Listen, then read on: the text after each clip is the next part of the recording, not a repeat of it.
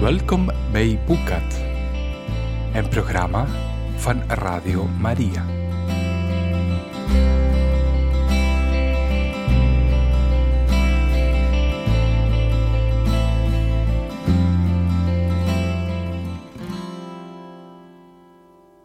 Welkom, beste luisteraars van Radio Maria.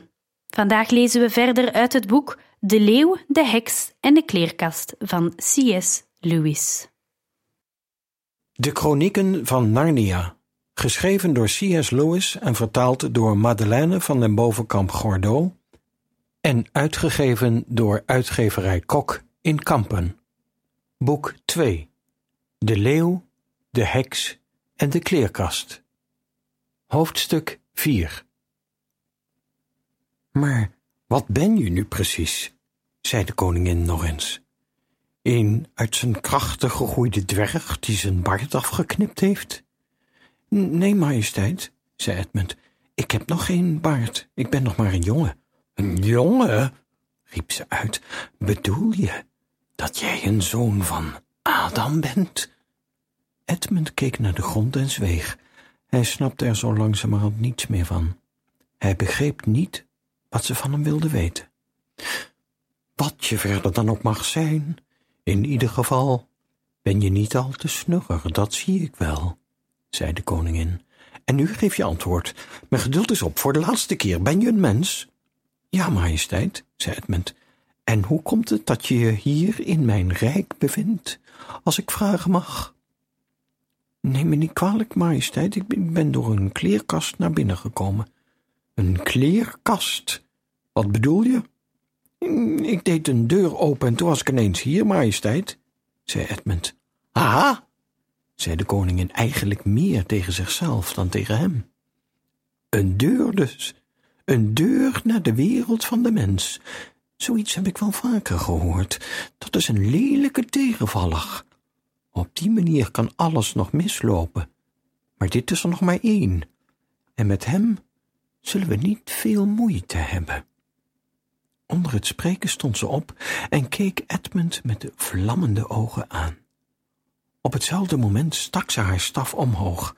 Edmund wist zeker dat ze iets vreselijks met hem van plan was, maar hij was niet in staat zich te verroeren.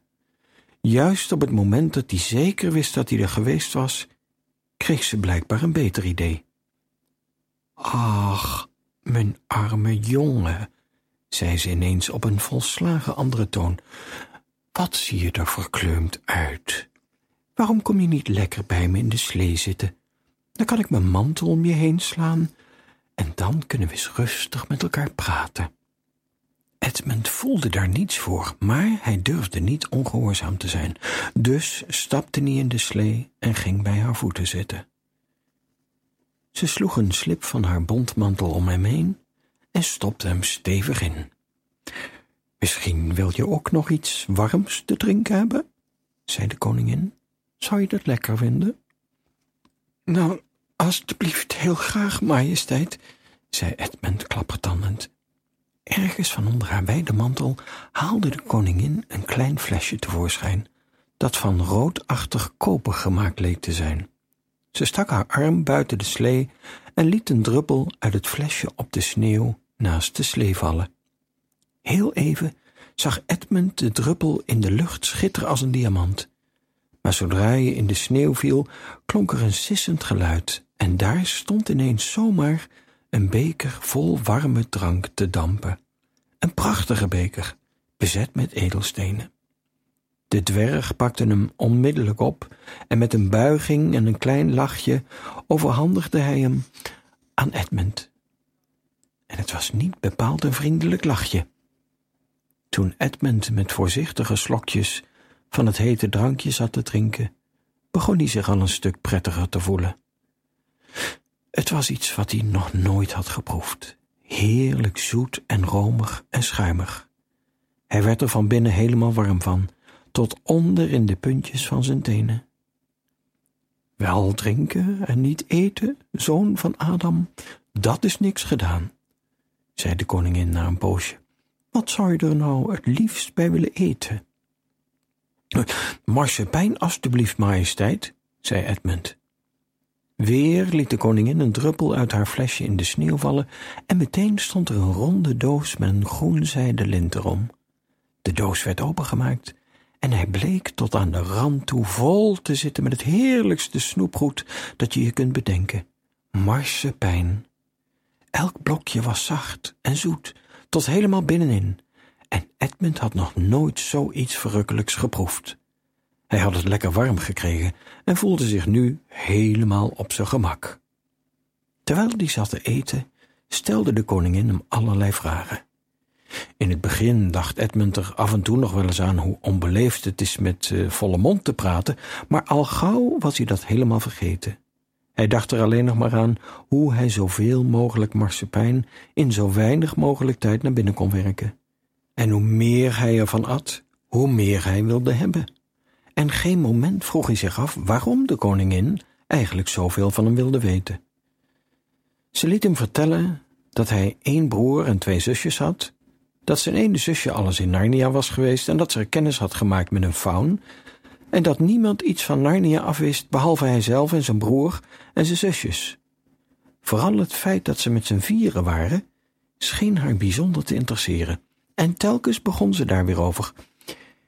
Weet je zeker dat jullie precies met z'n vieren zijn? vroeg ze.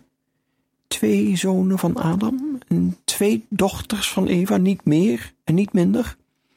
En Edmund met zijn mond propvol marsepein zei steeds maar weer: mm, Ja, dat, dat zei ik toch al. En hij vergat helemaal om haar majesteit te noemen, maar dat scheen ze ineens niet meer erg te vinden. Ten slotte was alle marsepein op. Edmund zat heel nadrukkelijk naar de lege doos te kijken en hoopte dat ze zou vragen of hij nog meer wilde. De koningin wist waarschijnlijk heel goed wat hij dacht, want zij wist dat dit betoverde marsepein was, hoewel Edmund daar niets van gemerkt had. Wie er eenmaal van geproefd had, wilde er steeds meer van eten. En zo iemand zou er, als niemand hem zou tegenhouden tenminste, net zo lang van dooreten tot hij er dood bij neerviel. Maar de koningin gaf hem niets meer. In plaats daarvan zei ze tegen hem: Zoon van Adam, ik zou heel graag je broer en je twee zusjes ook eens leren kennen. Breng je ze eens een keer mee om ze aan me voor te stellen? Ik zal het proberen, zei Edmund, die nog steeds strak naar de lege doos zat te kijken. Want als je nog eens terug zou komen, samen met je broer en je zusjes natuurlijk, zou ik je weer marsepein kunnen geven. Nu kan dat niet meer, want de toverkracht werkt altijd maar één keer tegelijk. Bij mij thuis is dat natuurlijk iets heel anders. Waarom kunnen we nu niet naar uw huis gaan? zei Edmund.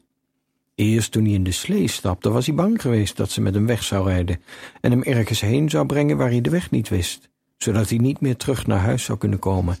Maar nu dacht hij daar niet eens meer aan. Ik heb een prachtig huis, zei de koningin. Ik weet zeker dat je het er fijn zou vinden. Er zijn zalen vol marsepein en bovendien heb ik zelf geen kinderen. Ik heb altijd al een aardige jongen willen hebben, die ik als prins kan opvoeden en die dan later koning van Narnia zou kunnen worden, als ik er niet meer ben. Zolang hij prins is, mag hij een gouden kroon dragen en de hele dag marsepein eten. Je bent werkelijk de allerverstandigste en knapste jonge man die ik ooit ben tegengekomen. Ik geloof dat ik van jou het liefst die prins zou maken als je eens een keer samen met de anderen bij me op bezoek zou komen. Waarom niet nu? zei Edwin. Hij had een rood hoofd en zijn mond en zijn vingers kleefden. Hij zag er allerminst verstandig uit en knap ook niet, wat de koningin ook mocht beweren. Oh, maar als ik je nu meteen mee zou nemen, zei ze, zou ik je broer en je zusjes nooit te zien krijgen. En ik wil zo vreselijk graag met die aardige broer en die leuke zusjes van je kennis maken. Jij wordt prins en later koning, dat is duidelijk, maar dan zul je toch ook je ridders en je hofdames nodig hebben. Ik zou je broer wel hertog kunnen maken en je zusjes hertogin. Ach, zo bijzonder zijn ze anders echt niet hoor, zei Edmund. En trouwens, ik zou ze toch altijd nog eens op een andere keer mee kunnen brengen. Oh, maar als je eenmaal bij mij in huis woont, zei de koningin, zou je ze wel eens totaal kunnen vergeten. Dan heb je het zo goed naar je zin dat je helemaal niet meer weg wilt om ze nog op te gaan halen. Nee, geen sprake van. Je moet eerst teruggaan naar je eigen land en dan moet je daarna naar mij toe komen. Met de anderen natuurlijk. Het heeft geen zin zonder hen te komen. Maar ik weet niet eens hoe ik weer in mijn eigen land terug moet komen, probeerde Edmund nog. Dat is makkelijk genoeg, antwoordde de koningin. Zie je daar die lamp? Ze wees met haar staf. Edmund draaide zich om en zag de straatlantaarn waaronder Lucie de faun had ontmoet. Als je die voorbij bent, is het gewoon rechtdoor naar de wereld van de mens. En als je nu even de andere kant op kijkt... Hierbij wees ze in tegenovergestelde richting. Vertel me dan eens of je daar in de verte twee heuvels boven de bomen ziet uitsteken. Ik geloof het wel, zei Edmund. Nou, tussen die heuvels in staat mijn huis. Dus als je de volgende keer terugkomt, hoef je alleen maar die lantaarnpaal op te zoeken en te kijken of je die twee heuvels ziet. Dan loop je gewoon het bos door tot je bij mijn huis bent. Maar denk erom, je moet de anderen meebrengen. Als je alleen komt, zou ik wel eens verschrikkelijk kwaad op je kunnen worden. Ik zal mijn best doen, zei Edmund. En, tussen twee haakjes, zei de koningin, je hoeft ze nog niets over mij te vertellen. Het zou veel leuker zijn als we het geheim hielden. Iets wat alleen wij tweeën weten. Vind je ook niet? Dan is het een verrassing voor ze. Je neemt ze gewoon mee naar die twee heuvels. Zo'n intelligente jongen als jij kan best iets verzinnen om ze daarmee naartoe te krijgen. En als jullie dan bij mijn huis komen, zou je bijvoorbeeld gewoon kunnen zeggen: Hé, hey, wie zou daar wonen? Zullen we eens gaan kijken? Of zoiets. Dat zou volgens mij het beste zijn. Als je zusje een van die faunen is tegengekomen, kan het best zijn dat ze allerlei rare dingen over mij gehoord heeft. Vervelende dingen misschien wel, en dan zou ze nog bang worden en niet bij me op bezoek durven komen. Faunen kunnen de gekste verhalen vertellen, zie je. Maar nu?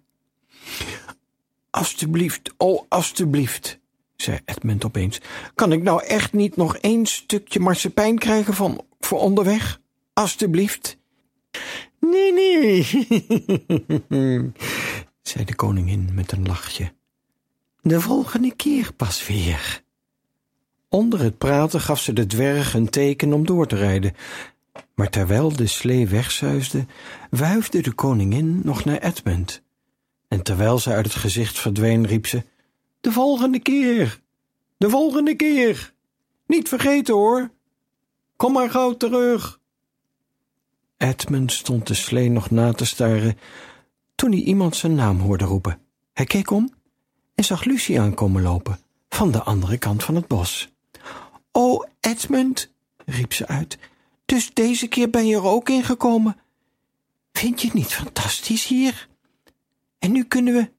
Kalm maar, zei Edmund. Ik weet nu intussen wel dat je gelijk had en dat die kleerkast toch betoverd is. En als je dat graag wil, dan wil ik ook nog wel zeggen dat het me spijt. Maar waar was je in vredesnaam al die tijd? Ik heb je overal gezocht. Als ik geweten had dat je er ook ingekomen was, had ik wel even op je gewacht, zei Lucie. Ze voelde zich zo gelukkig en opgewonden dat ze helemaal niet merkte hoe onvriendelijk Edmund deed en hoe rood zijn hoofd was en hoe vreemd hij keek. Ik heb vanmiddag bij meneer Tumnus gegeten, die aardige faun, en het ging heel goed met hem. De witte heks heeft hem niks gedaan, al heeft hij me toen weer laten gaan, dus hij denkt dat ze er wel niet achter gekomen zal zijn en misschien loopt alles nu toch nog goed af.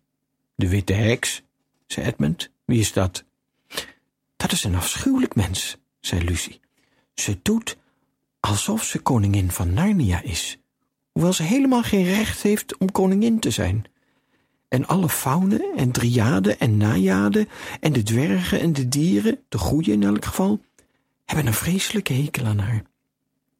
Ze kan je zo in steen veranderen en allerlei verschrikkelijke dingen doet ze.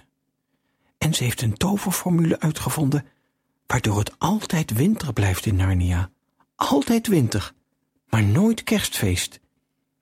En ze rijdt rond in een arreslee met rendieren ervoor, met haar toverstaf in haar hand en een kroon op haar hoofd.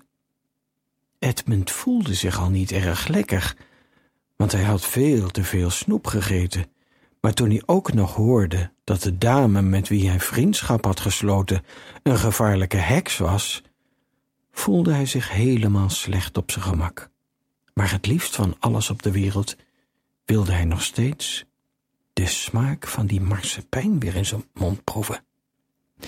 Wie heeft je dat allemaal verteld over die witte heks? vroeg hij. Meneer Tummus, die faun, zei Lucie. Ach, kom, je moet niet alles geloven wat zo'n faun zegt, zei Edmund, net alsof hij daar veel meer verstand van had dan Lucie. Wie zegt dat? vroeg Lucie. Dat weet toch iedereen, zei Edmund. Vraag maar aan wie je maar wilt. Maar zeg, ik vind er niks aan om hier in de sneeuw te blijven staan. Zullen we eens naar huis gaan? Ja, goed, zei Lucie. Oh, Edmund, wat ben ik toch blij dat je hier nu ook binnen bent geweest. Nu zijn we er allebei geweest. En ja, nu moeten de anderen ook wel in Narnia geloven. Wat zal het dan leuk worden? Maar Edmund bedacht heimelijk dat het voor hem lang zo leuk niet zou worden als voor haar, want dan zou hij ook tegenover de anderen moeten toegeven dat Lucie gelijk had gehad. En bovendien wist hij wel zeker dat de anderen dan allemaal meteen de kant van de dieren en de faune zouden kiezen. Maar hij zelf had al voor meer dan de helft voor de heks gekozen. Hij wist niet wat hij straks moest zeggen en hoe hij zijn geheim moest bewaren als ze eenmaal met z'n allen over Narnia aan het praten zouden raken. Intussen hadden ze al een flink eind gelopen. Ineens voelden ze dat ze weer tussen de jassen doorliepen en niet meer tussen de boomtakken. En het volgende moment stonden ze allebei buiten de kleerkast in de lege kamer. Hé, hey, Edmund, zei Lucie, wat zie je er beroerd uit, zeg? Voel je je niet lekker? Ik voel me prima, zei Edmund, maar dat was verre van waar. Hij was vreselijk misselijk. Kom op dan, zei Lucie. Ga je mee de anderen opzoeken? Wat zullen we nu fantastische avonturen gaan beleven, nu we er met z'n allen heen kunnen gaan?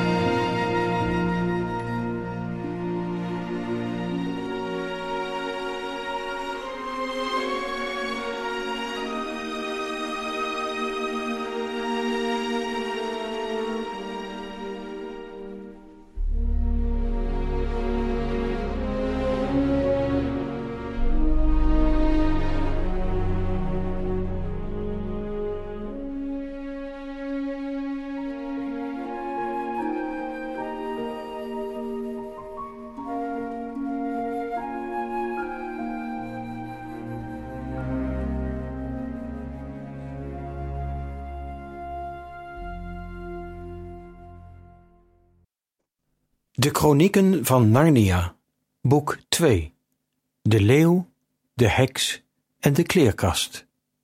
Hoofdstuk 5 Omdat de anderen nog steeds verstoppertje aan het spelen waren, duurde het even voordat Edmund en Lucy hen gevonden hadden. Maar toen ze tenslotte allemaal bij elkaar waren, ze troffen elkaar in het lange vertrek waar het harnas stond, barstte Lucy meteen los. Peter, Suzanne, het is allemaal waar. Edmund heeft het nu ook gezien. Er is echt een land aan de andere kant van de kleerkast. Edmund en ik zijn er allebei geweest. We kwamen elkaar daar binnen tegen in het bos. Toe dan, Edmund, vertel ze alles maar. Waar heeft ze het over, Ed? zei Peter. En nu zijn we bij een van de narste dingen uit dit verhaal gekomen. Tot op dat moment had Edmund zich alleen maar misselijk gevoeld. En verder had hij een slecht humeur en ergerde hij zich aan Lucie, omdat ze gelijk had. Hij had nog niet bedacht wat hij doen moest. Nu Peter hem zo onverwacht om uitleg vroeg, besloot hij ineens het lelijkste en het gemeenste te doen wat hij kon bedenken. Hij besloot om Lucie voor gek te zetten. Vertel eens, Ed, zei Suzanne. En Edmund trok een hooghartig gezicht, net of hij stukken ouder was dan Lucie. In werkelijkheid zat er maar een jaar verschil tussen Lucie en hem. En met een spottend lachje zei hij: Oh ja, Lucie en ik zijn aan het spelen geweest. We hebben net gedaan alsof dat hele verhaal van haar over dat land in die kleerkast echt waar was. Alleen maar voor de grap.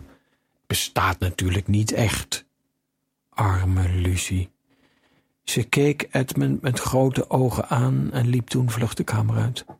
Edmund, die elk moment vervelender begon te worden, was ervan overtuigd dat hij het er tot zover uitstekend van afgebracht had en ging er dadelijk op door. Daar heb je weer zoiets. Wat heeft ze nou weer? Dat is het vervelende met die kleine kinderen. Ze moeten altijd. Zeg, luister eens even jij, viel Peter fel tegen hem uit. Hou jij je mond maar. Sinds ze met die onzin over die kleerkast begonnen is, heb jij Luus Aldoor ronduit misselijk behandeld. En nu ga je er zelf opeens aan meedoen door zo'n spelletje. En nu stook je haar op om er weer van voren aan mee te beginnen. Volgens mij doe je het alleen maar om haar ermee te plagen. Maar het is toch allemaal uh, maar onzin, zei Edmund teleurgesteld. Natuurlijk is het allemaal onzin, zei Peter, dat is het juist. Toen we van huis weggingen was er niets met Luus aan de hand. Maar sinds we hier zijn, lijkt het net of ze niet meer helemaal goed bij haar hoofd is. Of anders begint ze ineens verschrikkelijk te liegen.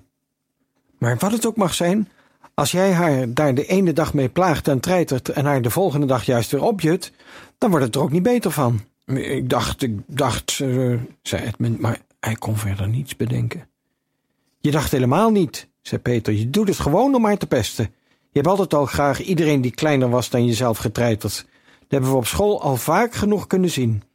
Schei alsjeblieft uit met ruzie maken, jullie tweeën, zei Suzanne. Daar schieten we ook niks mee op. Kom mee, dan gaan we kijken waar Lucie is. Het was geen wonder dat ze, toen ze Lucie na een hele tijd vonden, allemaal konden zien dat ze gehuild had. Maar wat ze ook tegen haar zeiden, het maakte allemaal niets uit. Ze hield vol dat het waar was wat ze verteld had en ze zei: kan me allemaal niet schelen wat jullie denken en het kan me niet schelen wat jullie erover zeggen. Jullie kunnen het gerust aan de professor gaan vertellen of aan moeder schrijven of wat je maar wilt. Ik weet dat ik daar binnen een faun ben tegengekomen. En ik, ik wou dat ik er maar gebleven was. Jullie zijn allemaal zo gemeen, gemeen. Het werd geen leuke avond. Lucie was verdrietig en Edmund begon het gevoel te krijgen dat zijn plan toch niet zo goed werkte als hij had verwacht. De oudste twee begonnen nu echt te geloven dat Lucie niet goed meer bij haar verstand was. Lang nadat ze naar bed was gegaan, stonden zij twee er nog met gedempte stemmen over te praten op de gang. Het resultaat was dat ze de volgende morgen besloten om echt maar eens naar de professor te gaan en hem het hele verhaal te vertellen. Als hij vindt dat er iets met Luus aan de hand is, zal hij vader wel schrijven, zei Peter. Ik weet niet meer wat wij er verder mee aan moeten. Dus gingen ze naar de studeerkamer en klopten aan. En de professor zei: Binnen. Hij stond op en schoof een paar stoelen voor hen bij en zei dat hij graag wilde horen wat ze hem te vertellen hadden. Terwijl ze hun verhaal deden, zat hij te luisteren met zijn vingertoppen tegen elkaar gedrukt, en hij viel hen niet één keer in de rede, totdat ze helemaal uitgepraat waren. Daarna zei hij een hele tijd niets.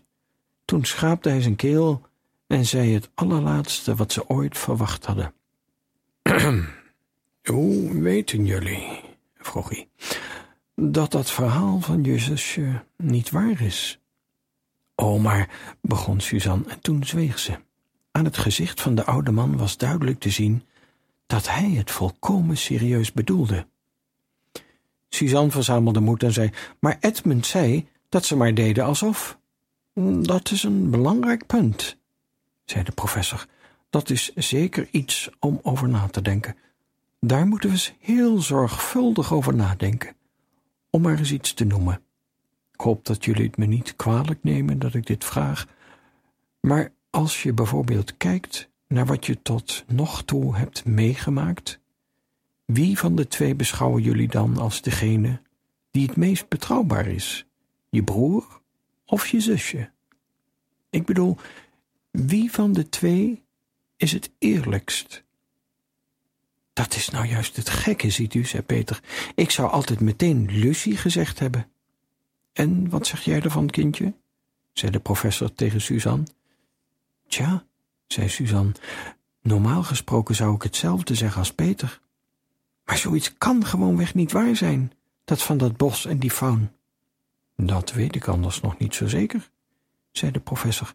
En om iemand die altijd eerlijk is voor leugenaar uit te maken, dat is een heel ernstige zaak. Een heel ernstige zaak. We dachten dat het misschien niet eens liegen was, zei Suzanne. We zijn bang dat er misschien iets met Lucie niet in orde is. Dat ze gek wordt, bedoel je, zei de professor heel rustig. Oh, daarover hoef je je echt geen zorgen te maken. Je hoeft daar alleen maar aan te kijken en met haar te praten. En je ziet meteen dat ze niet gek is. Maar dan, zei Suzanne en hield zich stil. Ze had nooit van haar leven verwacht dat een volwassen mens als de professor zulke dingen kon zeggen. Ze wist niet goed wat ze ervan moest denken. Logisch nadenken, zei de professor half tegen zichzelf. Waarom leren ze die kinderen op die scholen niet logisch denken? Er zijn maar drie mogelijkheden in dit geval. Of je zusje liegt, of ze is gek, of ze vertelt de waarheid. Jullie weten dat ze nooit liegt. En het is duidelijk dat ze niet gek is. Dus moeten we op dit moment, en zolang we verder geen bewijzen hebben, wel aannemen dat ze de waarheid vertelt.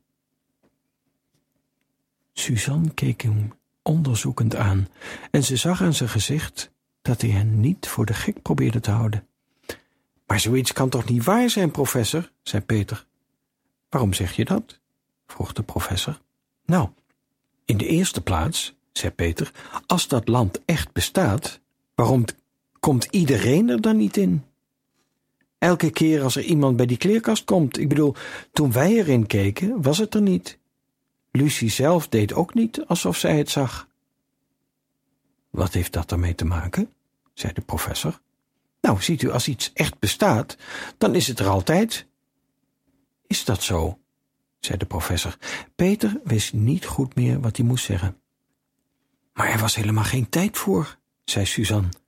Lucie is er niet eens lang genoeg weg geweest om ergens heen gegaan te kunnen zijn, zelfs al had dat land echt bestaan.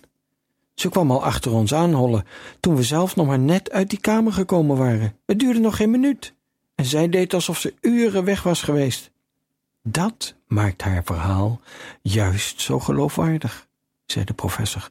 Als er in dit huis echt een deur is naar een andere wereld, en ik moet erbij zeggen dat dit een heel eigenaardig huis is, en dat ik zelf er ook maar weinig van af weet, als, zei ik dus, ze in een andere wereld terecht is gekomen, dan zou het me volstrekt niet verbazen als die andere wereld ook een heel eigen tijd zou blijken te hebben. Een ander soort tijd dan onze wereld. Zo zou het best kunnen dat er in onze wereld helemaal geen tijd voorbij ging, hoe lang je daar ginds ook zou blijven. Aan de andere kant geloof ik niet dat veel meisjes van haar leeftijd zelf zoiets zouden kunnen bedenken. Als ze het allemaal zelf verzonnen had, dan heeft ze zich eerst wel een flinke tijd verstopt, voordat ze tevoorschijn was gekomen en jullie dat verhaal had verteld. Maar, zei Peter, bedoelt u dan echt dat er nog andere werelden kunnen bestaan? Zomaar, overal? Net om het hoekje, zal ik maar zeggen? Zeker, dat is zelfs heel waarschijnlijk, zei de professor. Hij nam zijn bril af en begon de glazen schoon te poetsen, terwijl hij in zichzelf mompelde. Ik vraag me toch af wat ze op die scholen eigenlijk wel leren. Maar wat doen we nou? zei Suzanne. Ze had het gevoel dat ze met hun gesprek van het onderwerp begonnen af te dwalen.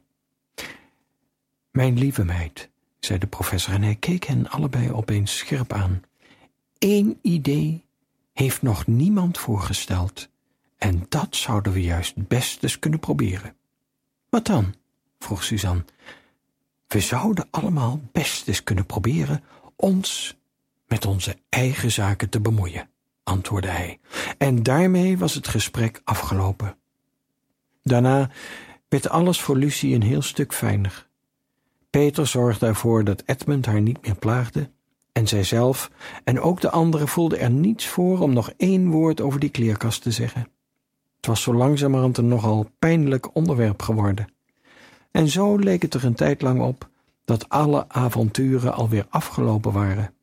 Maar dat was niet waar. Het landhuis van de professor, waar zelfs hij zelf maar zo weinig van afwist, was oud en beroemd, en er kwamen vanuit het hele land mensen naartoe. Vaak vroegen ze dan of ze het huis van binnen mochten bezichtigen.